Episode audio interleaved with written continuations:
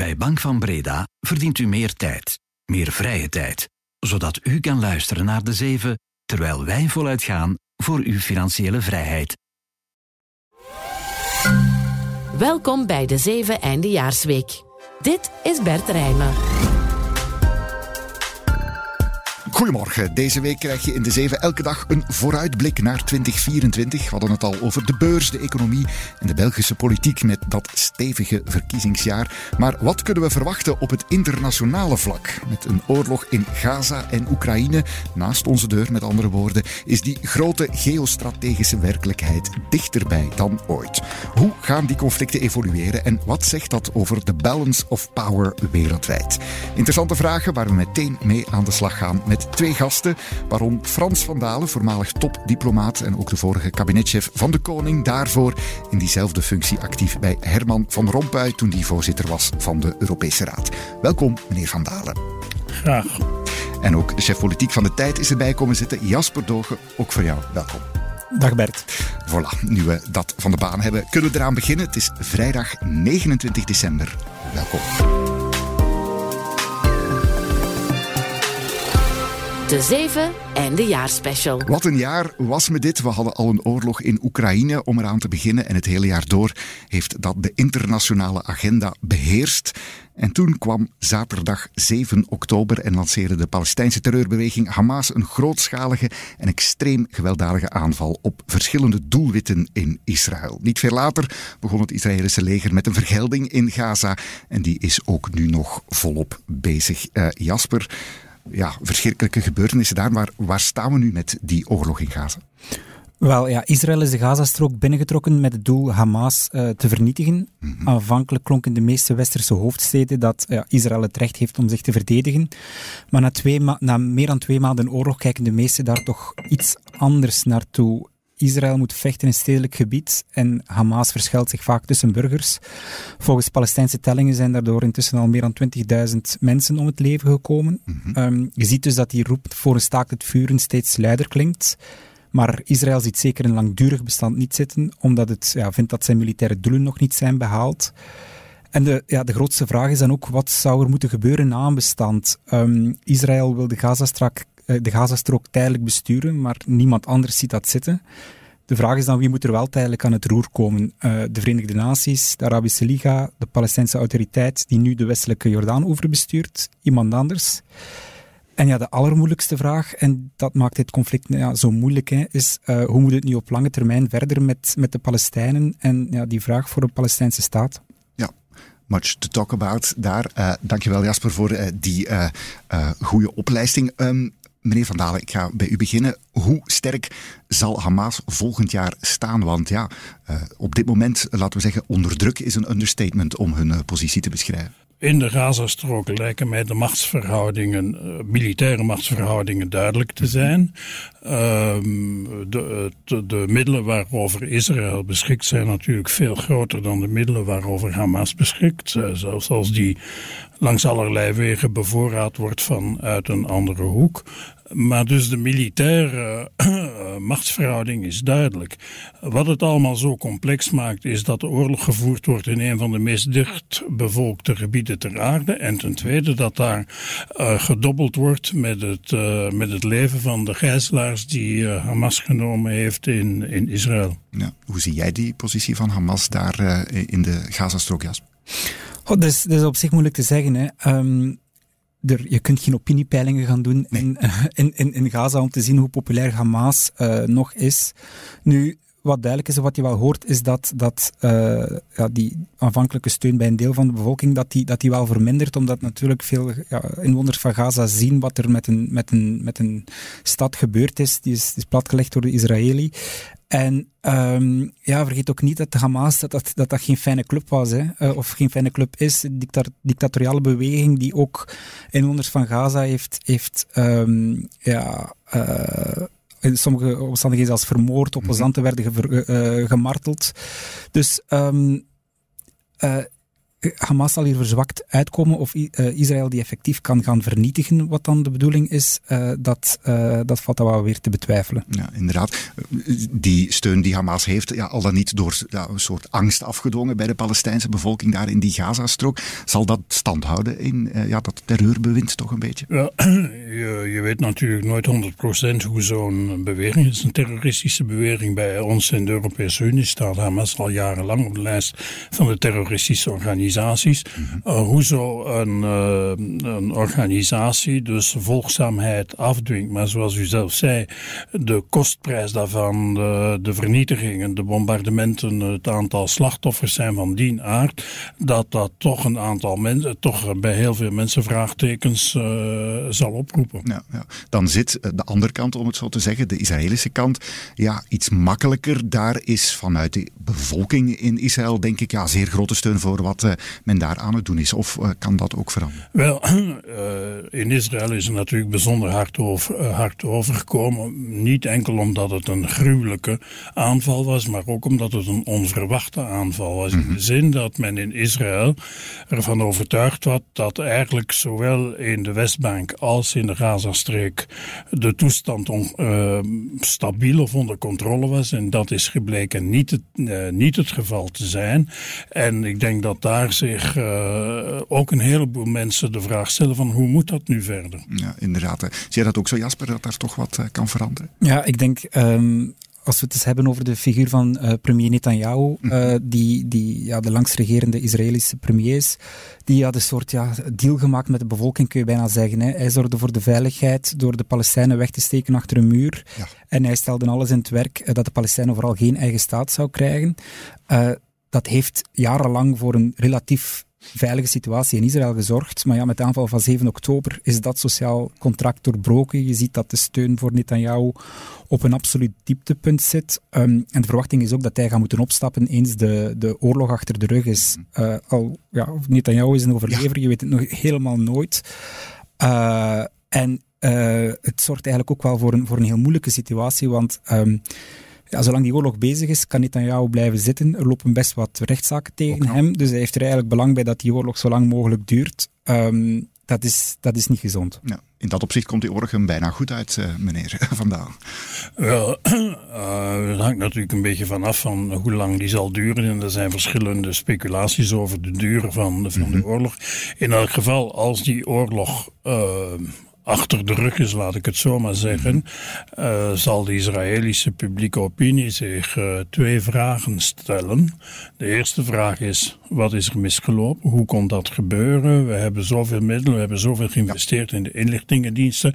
Hoe komt dat dat we daarvan, dat we dat niet hebben zien komen? En dan gaat men natuurlijk zoeken naar degene die daarvoor verantwoordelijkheid dragen. En het is duidelijk wie de eerste politieke verantwoordelijkheid in zo'n geval uh, draagt. Dus dat dan een lang debat, moeilijk debat uh, zijn in, uh, in Israël.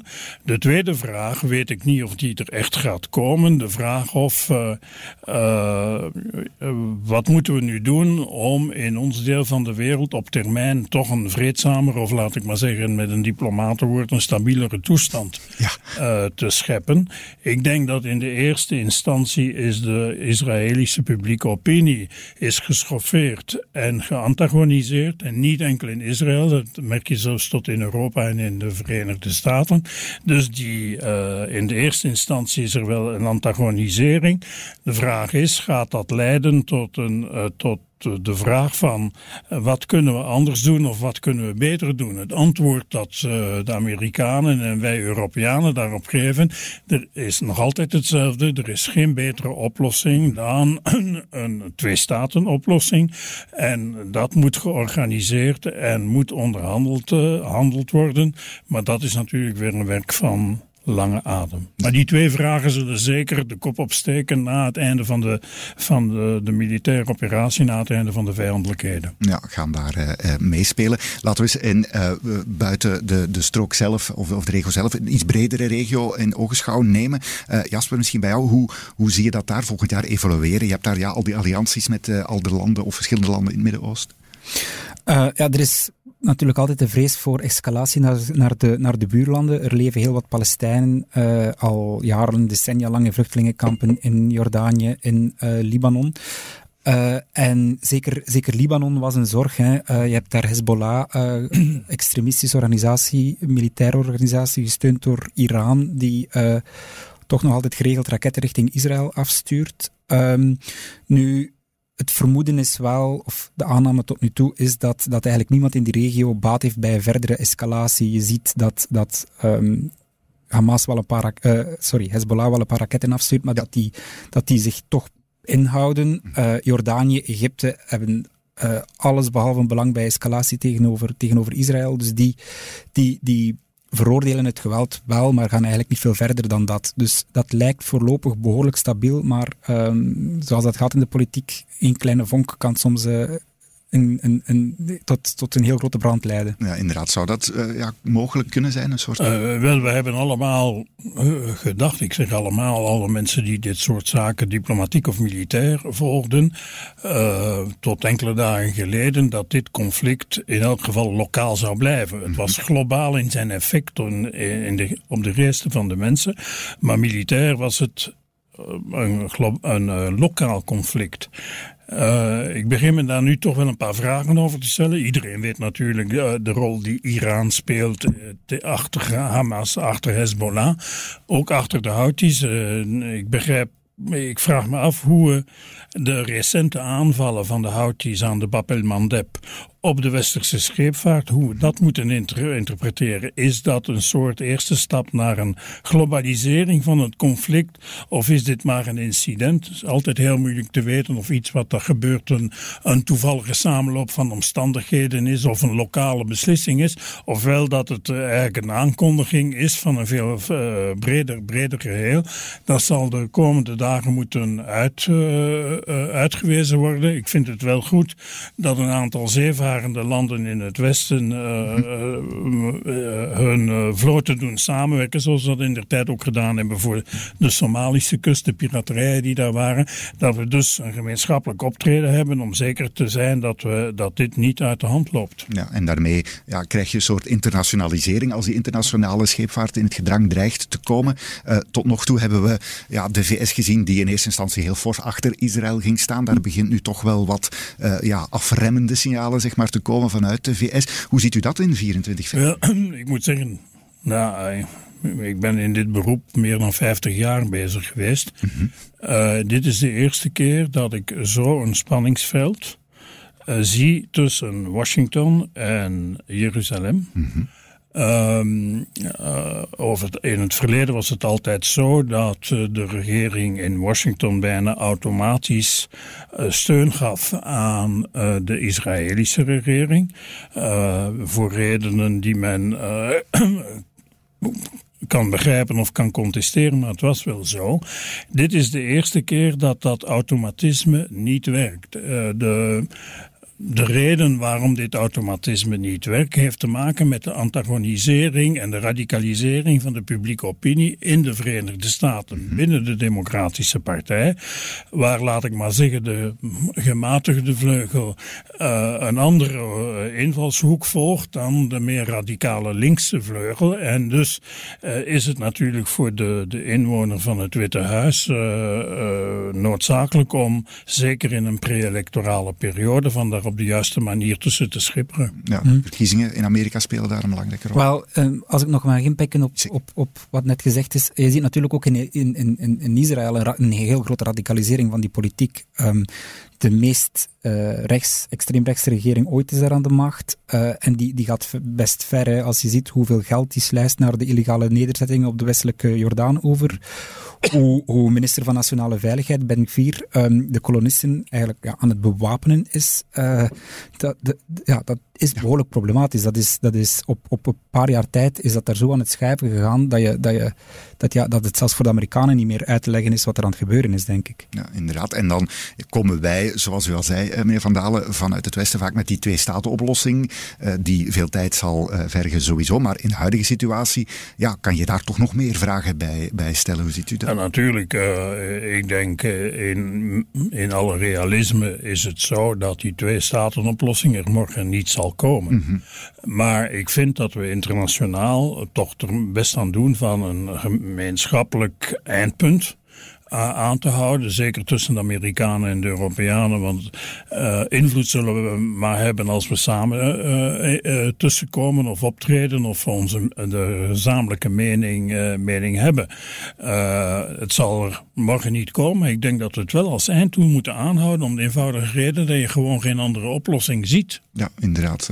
ja, hoe zeg je, by default het enige waar we naartoe kunnen gaan, ook voor jou Jasper? Ja, en ik denk, ik denk dat je het in stappen moet zien. Hè. Uh, in eerste instantie, uh, eens de oorlog uh, voorbij is, dat je, dat je ja, politiek moet gaan kijken. er zullen nieuwe spelers nodig zijn. Hamas moet weg. Ik denk dat ook Netanyahu weg zal moeten om, om te kunnen gaan praten. Uh, je gaat met de Arabische landen een oplossing moeten vinden voor wie Gaza nu tijdelijk kan besturen. En dan ja, je gaat moeten werken aan wederopbouw, aan een perspectief voor de inwoners van Gaza, voor de inwoners van de westelijke Jordaan over. En je gaat op, als internationale gemeenschap Israël moeten duidelijk maken dat het dat, dat ook in hun belang is en dat ze daaraan moeten meewerken. En uh, dat zal voor Israël niet evident zijn. Ze zullen een deel van hun kolonies op de Westbank vroeg of laat moeten opgeven. Dat zal heel moeilijk gaan. En ja, je zal, werk, je zal werk moeten maken van een vorm van Palestijnse autonomie. Twee, er wordt verwezen naar twee-staten-oplossing. Dus wat in de internationale gemeenschap nog altijd achter staat. Nu, dat woord is ook in het Midden-Oosten zeer beladen geworden. Je kunt dat ook gewoon anders gaan noemen. Uh, maar in alle geval, het zal wel iets moeten zijn waar, waar de Palestijnen zich in kunnen vinden. En dat ze het gevoel hebben dat ze een autonomie hebben. Mm Alleen maar hopen dat het die kant dan toch wat uh, uitgaat, al zal het niet zo evident zijn. Er is Gaza, maar zoals gezegd uh, ook nog altijd Oekraïne. Na nog een jaar oorlog is het nog maar de vraag hoe sterk die Oekraïners daar staan tegenwoordig tegen een Russische president Poetin die er niet tegenop lijkt te zien om nog eens enkele duizenden, tienduizenden misschien wel Russische soldaten in de strijd te werpen. Uh, Jasper, kom daarvoor ook nog eens om te beginnen bij jou. Hoe staat het conflict er nu voor? de oorlog in Oekraïne is een stellingenoorlog geworden. Het front zit vast. Uh, en dat breekt wel met de hoop die, die velen, zeker in het Westen, een jaar geleden hadden. Mhm. De Russen zag je toen heel veel fouten maken, militair. En uh, de Oekraïners hadden toen net wel wat terrein weten te winnen uh, na die Russische invasie. Nu, de vrees is dat de Russen veel beter gewapend zijn voor de uitputtingsslag die nu aan de gang is. Het land is groter, het heeft uh, ja, oplossingen weten te vinden voor de westerse sancties en de oorlogsindustrie draait er op volle toeren. En uh, ja, bovendien is die, wordt die westerse steun aan Oekraïne steeds meer in, in twijfel getrokken. Hè. Europa wil het land dat wel opnemen in de Europese Unie hm. en wij beloven financiële steun en wapens. Maar gezien de beperkte wapenproductie in Europa springen de Oekraïners daar niet zo ver mee. En de Verenigde Staten die kunnen die wapens misschien wel leveren, maar daar zie je dat de republikeinse oppositie die, die tegenhoudt. En ja, de, de kans bestaat dat Donald Trump in november de presidentsverkiezingen wint. En Trump eh, maakte al duidelijk dat hij zo snel mogelijk van die oorlog in Oekraïne af wil. En zo'n oplossing, of Trump zijn oplossing, zal wellicht niet in het voordeel zijn van Oekraïne. Ja, inderdaad, als je dat zo hoort, begint 24 eh, voor Zelensky, voor de Oekraïners, ja, veel minder goed dan 23 eh, begonnen was. Uh, dat is ongetwijfeld zo. Uh, begin 23 was er nog altijd de hoop van een vrij snelle beslechting mm -hmm. van het conflict. Nu hebben we allemaal begrepen dat dit een zaak is die lang zal duren. Uh, er is een soort, die padstelling in, in, in de Donbass is daarvan één uiting, maar er zijn er andere nog. Wat Jasper juist zei over het relatieve structurele machtsverschil tussen Oekraïne en Rusland is inderdaad waar. Misschien is de, uh, heeft de Russische beer wat meer tijd nodig gehad om wakker te worden, maar we mag niet vergeten, het is een veel groter land, veel grotere bewapening. Uh, industrie wordt omgeschakeld naar oorlogsindustrie. En wat staat daar tegenover? Oekraïne, die uh, echt hun, vrijheid en hun onafhankelijkheid willen, ver, uh, willen verdedigen. Met alle lof die we en alle sympathie die we daarvoor moeten hebben. Maar uiteindelijk kan het machtsverschil het structurele machtsverschil maar ongedaan gemaakt worden door de hulp die het Westen biedt. En daar zijn er inderdaad op dit ogenblik een paar problemen.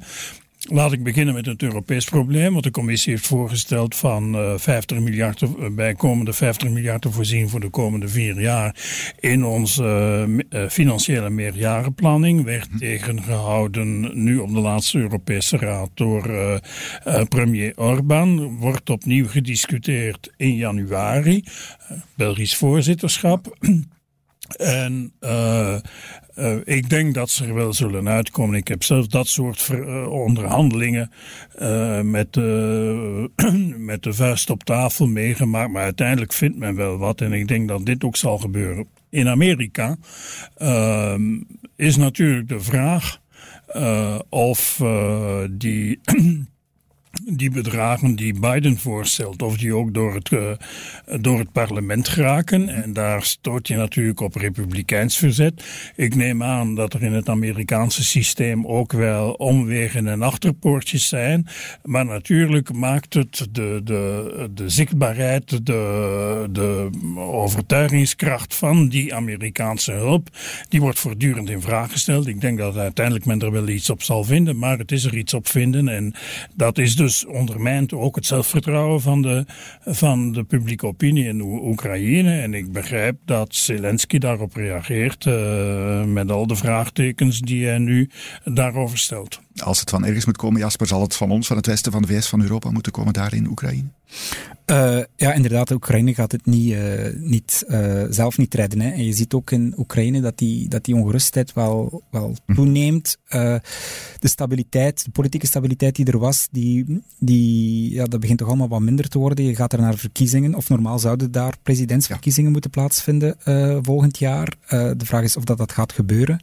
Je ziet dat zeker Zelensky, die, die we in het Westen als een soort, ja, we hebben er een soort held van gemaakt, um, dat, die zijn, dat die zijn positie meer en meer onder druk komt, intern, ook extern. Uh, westerse leiders trokken, uh, bij wijze van spreken, uh, op bedevaart naar Kiev om met hem op de foto te staan. Um, dat zie je nu veel minder. en ook intern is er kritiek vanuit het leger vanuit de, vanuit de politiek ook. Mhm. En uh, ja, de vraag is, wat gaat, gaat Zelensky uh, kunnen blijven staan? Ja, een niet te benijden positie daar uh, aan de kant van Zelensky.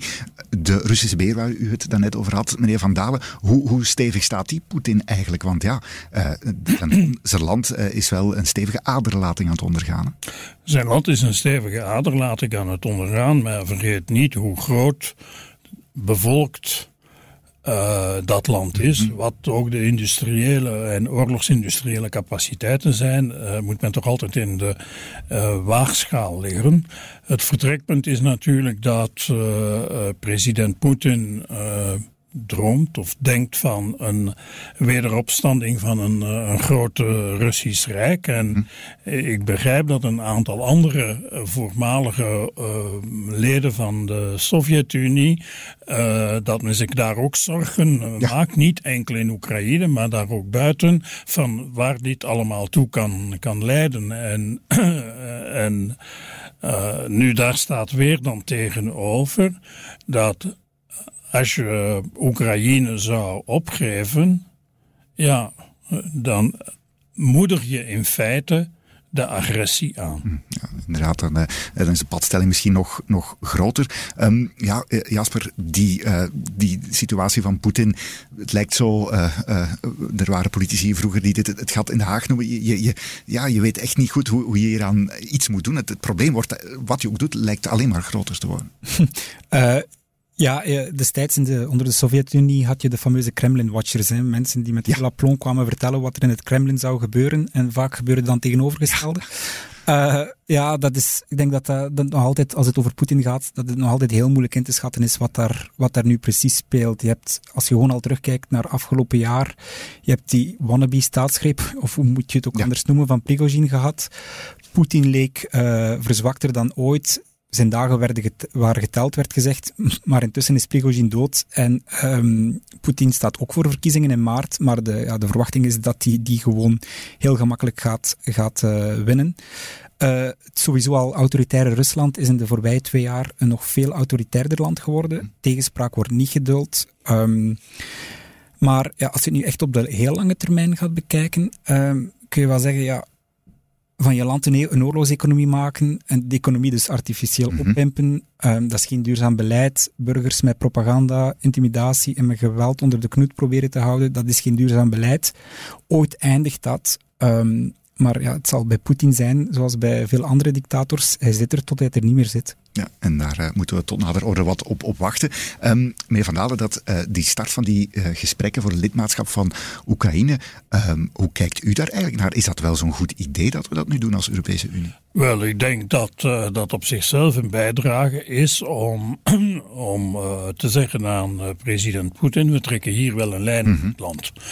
Uh, zowel de financiële steun, de militaire steun, als uh, nu de beslissing in principe om, om toetredingsonderhandelingen met Oekraïne te behoren, behoren tot een ge geheel waarbij men zegt, uh, wij laten een aantal dingen niet gebeuren. Uh, zo een toetredingsonderhandeling. Ik heb er een heleboel gedaan uh, met de landen van Oost-Europa. Tussen het ogenblik dat men zegt uh, de onderhandelingen worden geopend en het ogenblik dat een land effectief lid is, mm -hmm. dat duurt gemiddeld een zevental jaren. Uh, waarom duurt dat zo lang? Omdat men 35 stukken van de economie stuk per stuk moet onderhandelen, want het intredende land uh, uh, moet natuurlijk die toetreding aankunnen en dat betekent overgangsperiodes voorzien. Dat is een, een heel ingewikkelde mechaniek. Dus dat duurt lang. En dat is door premier Orbán geëxploiteerd geworden op de voorbije Europese Raad, want hij zei, ik heb nu laten te stemmen. Maar is er even buiten gegaan. Ik heb nu laten stemmen. Maar dat maakt toch geen verschil. Want de toetredingsonderhandelingen heb je altijd op alle ogenblikken unanimiteit nodig. Dus ik kan nog altijd uh, het anders spelen. Uh, maar het is natuurlijk ook wel heel belangrijk om, om als signaal naar de Oekraïense publieke opinie toe van wij laten jullie niet aan jullie lot over. En naar Moskou uh, met het argument van wij doen door. Ja, inderdaad dat was vooral een symbool ja, in, in die richting. Eerder dan echt een concrete hulp, eh, die, die start van, dat, uh, van die gesprekken, Jasper. Ja, uh, dat, dat, denk ik ook. Nu, het Westen heeft de rode lijn getrokken tegenover mm -hmm. Putin. Het is hier daarnet ook vermeld geweest. Tot, de boodschap is tot hier en niet verder. Uh, als je in de geopolitiek rode lijnen trekt, dan moet je die consequent blijven trekken of je maakt je belachelijk. Um, en ja, dus ik denk dat we niet anders kunnen dan Oekraïne te blijven steunen. Mm -hmm. Uh, het lidmaatschap aanbieden en onderhandelingen opstart, opstarten is een belangrijk signaal. Uh, maar ik denk dat het nu toch in de eerste taak is om ervoor te zorgen dat Oekraïne militair kan standhouden. En daar zullen veel meer wapens voor nodig zijn, of we dat nu leuk vinden of niet. Um, en dat betekent dat Europa zijn wapenproductie zal moeten opdrijven. Uh, voor Oekraïne, ook voor zichzelf, om steviger te staan in de wereld. Zeker als Trump president wordt en zou gaan beslissen om, om Europa niet langer militair te beschermen, gaan we die, gaan we die nodig hebben. En uh, ja, een, een, een militair sterker Oekraïne, en laat ons dan hopen dat we daartoe bijdragen, um, zal sowieso ook sterker staan tegen Rusland om zich te verdedigen, maar ook in hopelijk ooit uh, onderhandelingen over, over een akkoord als het zover komt. En dus um, zijn we, ja, we zijn veroordeeld, denk ik, om, om deze strijd verder te, te voeren. Ja, want het is uh, vlak bij onze deur. Uh, die twee conflicten die de internationale politiek meer dan ooit zullen beheersen, ook in 24. Um, ja, we hebben een wereld meer dan ooit eentje met machtsblokken. Een uh, idee dat, laten we zeggen, na verloop van tijd iedereen economisch zo geïntegreerd zou geraken en daardoor ja, misschien vanzelf zou gaan democratiseren, lijkt verder dan ooit. U heeft die lange diplomatieke carrière, uh, meneer Van Dalen. Uh, had u ooit gedacht dat het nog ja, naar een wereld vol nieuwe oorlogen zou gaan, zoals, zoals we nu het geval hebben? Wel, natuurlijk. Uh, voorspelling, achteraf uh, voorspellingen ja. doen is altijd uh, gemakkelijk. Maar je gebruikt het woord machtsblokken. Ik denk dat, dat we verder geëvolueerd zijn dan dat. Mm -hmm. De, het is niet zo dat wij nog ergens in de buurt zitten van een bipolair regime tussen twee supermachten die elkaar in evenwicht houden en die al hun epigonen en volgelingen onder controle houden. Nee, dat is er juist niet. Uh, China doet zijn ding, Rusland doet zijn ding en dan vooral de middelgrote regionale mogendheden zijn volop bezig met uh, zichzelf goed, zo goed mogelijk te positioneren. Of nu Saoedi-Arabië, Iran of Turkije is kijk maar, ik denk ook aan India. India dat op dit ogenblik uh, vrij goed bezig is. Uh, en ook uh, met iedereen wat on speaking terms is. Dus de posities van veel landen zijn veranderd. En die landen hebben allemaal nu een veel bredere marge om dingen te doen of dingen niet te doen dan ze te hadden tijdens het bipolaire, tijdens het bipolaire tijdperk. een wereld met ja ja, veel moeilijker in te schatten context dan, uh, Jasper. Mhm. En, en zeker voor Europa is dat lastig. Hè. Ehm, Europa is gebouwd op ja, het idee van politieke en economische vrijheid. Uh, we geloofden in de globalisering en dat door handel met de rest van de wereld te gaan voeren, dat de rest van de wereld op ons zou gaan gelijken. Uh, en we dachten ook dat de hele wereld op weg was om een liberale democratie te worden. Nu, uit alles wat hij net verteld is, blijkt dat, dat, is niet, dat is niet zo gelopen, dat is niet, zo, dat is niet gelukt. En dus is het voor Europa zoeken in die, in die hardere wereld uh, naar een rol. Um, het moet aan geopolitiek gaan doen, heeft het eigenlijk nooit echt gedaan. Het heeft daar de instrumenten niet voor. Um, ja, je ziet, uh, je ziet, ik denk dat wij voor de keuze staan. Hè. Ofwel um, blijven we vasthouden aan het concept van natiestaten, waarop Europa gebouwd is. Uh, en dan kun je misschien wel zeggen dat je dicht bij de mensen staat, maar dan heb je in die grotere wereld geen knij te zeggen. Ofwel ga je toch uh, macht afstaan aan dat Europese niveau om te proberen een, een, rol te spelen in die wereld uh, en, en, een machtsfactor te worden in die wereld. Ja, inderdaad, dan met uh, al die nieuwe balansen rekening te houden. Een tijdperk ook, uh, meneer Van Dalen, met blijkbaar steeds meer echt autoritaire leiders. Hè? Dat zie je toch ook? ja, dat is inderdaad zo. Ik heb nog de tijd meegemaakt toen ik ambassadeur was in Washington. Dat was in de tijd van uh, Bush uh, Jr. dat men een conferentie bijeenriep van de democratieën en dat het aantal daar uh, een vrij hoog getal was en dat men alle hoop had dat dat aantal nog hoger en hoger zou worden. Dat is dus niet het ge geval geweest. Over de positie van de Europese Unie. Men mag nooit vergeten dat de Europese Unie oorspronkelijk is opgericht om vrede te maken mm -hmm. tussen ons, onder ons. En eigenlijk de dimensie van externe machtsprojectie buiten beschouwing gelaten had. Men weet over het algemeen niet, maar ik kan u dat wel bevestigen, dat het eerste land dat gezegd heeft, ja, er is iets wat ontbreekt in ons uh, verhaal, dat was België. Denk maar terug aan het fameuze Londen-rapport van Stevie Davignon mm -hmm. in 68, waar men eigenlijk begonnen is met diplomatieke en militaire samenwerking, stapje bij stapje. Er zouden nog veel stapjes kunnen, kunnen worden gezet, maar daar zat daar toch wel een structureel, een structureel gegeven in. Dat betekent niet dat we geen uh, invloed hebben. Ik zeg bijvoorbeeld het opnemen van Oekraïne in de Europese Unie is echt wel een geopolitieke daad. Uh, sancties treffen, energiebeleid hebben allemaal externe aspecten. Dus er zitten wel een aantal instrumenten in onze, in onze werktuigendoos, maar nog niet allemaal. En dat is iets waar wij als Belgen over de jaren altijd gezegd hebben. We moeten ook een sterke ingemaakte buitenlandse politiek hebben. iedereen zegt dat ze het daar wel mee eens zijn, maar dat stoort natuurlijk op de soevereiniteit, zeker van de grote, grote lidstaten.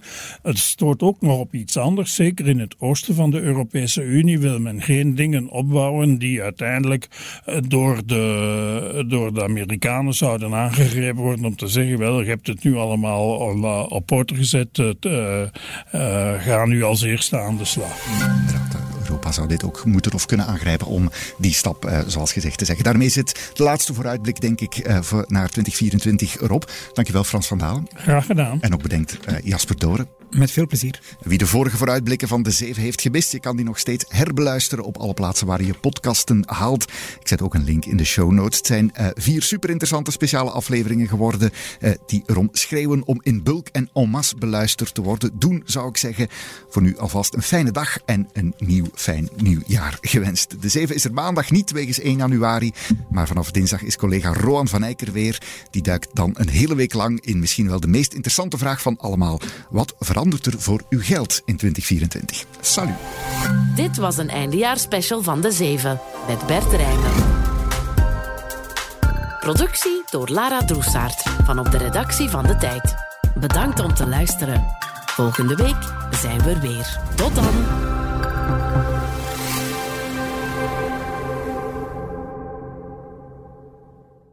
U verdient meer tact.